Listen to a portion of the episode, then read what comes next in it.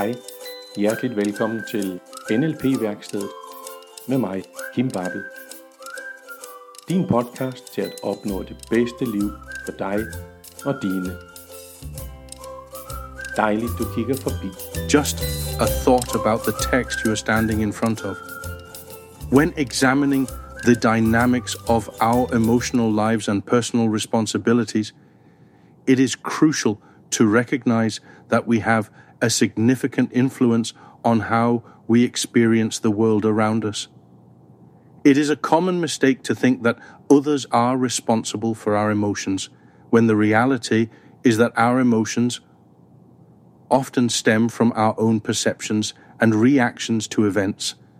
Your responsibility for your emotions. An important realization is that you are responsible for how you react to the events that take place in your life. Although external factors can influence your emotions, it is your own interpretation and reaction to these factors that determines how you feel. This does not mean that you should suppress or deny your feelings, but rather that you should take responsibility for them.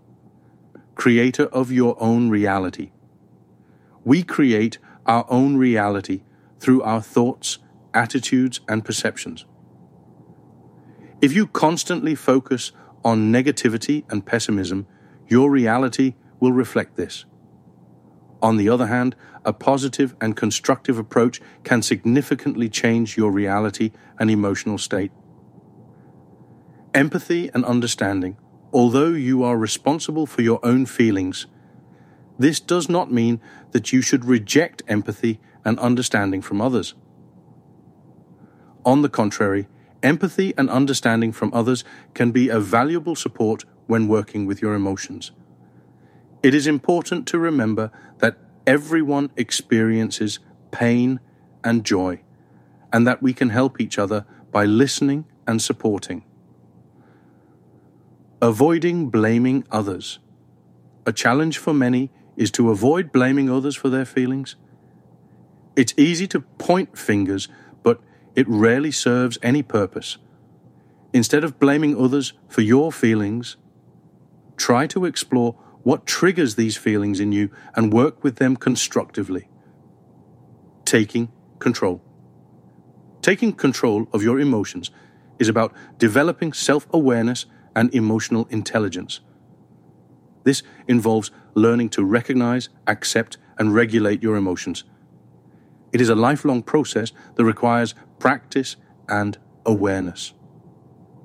Ultimately, it's about recognizing that you are the chief architect of your own emotional life. You have the power to change your reality by changing the way you think and react.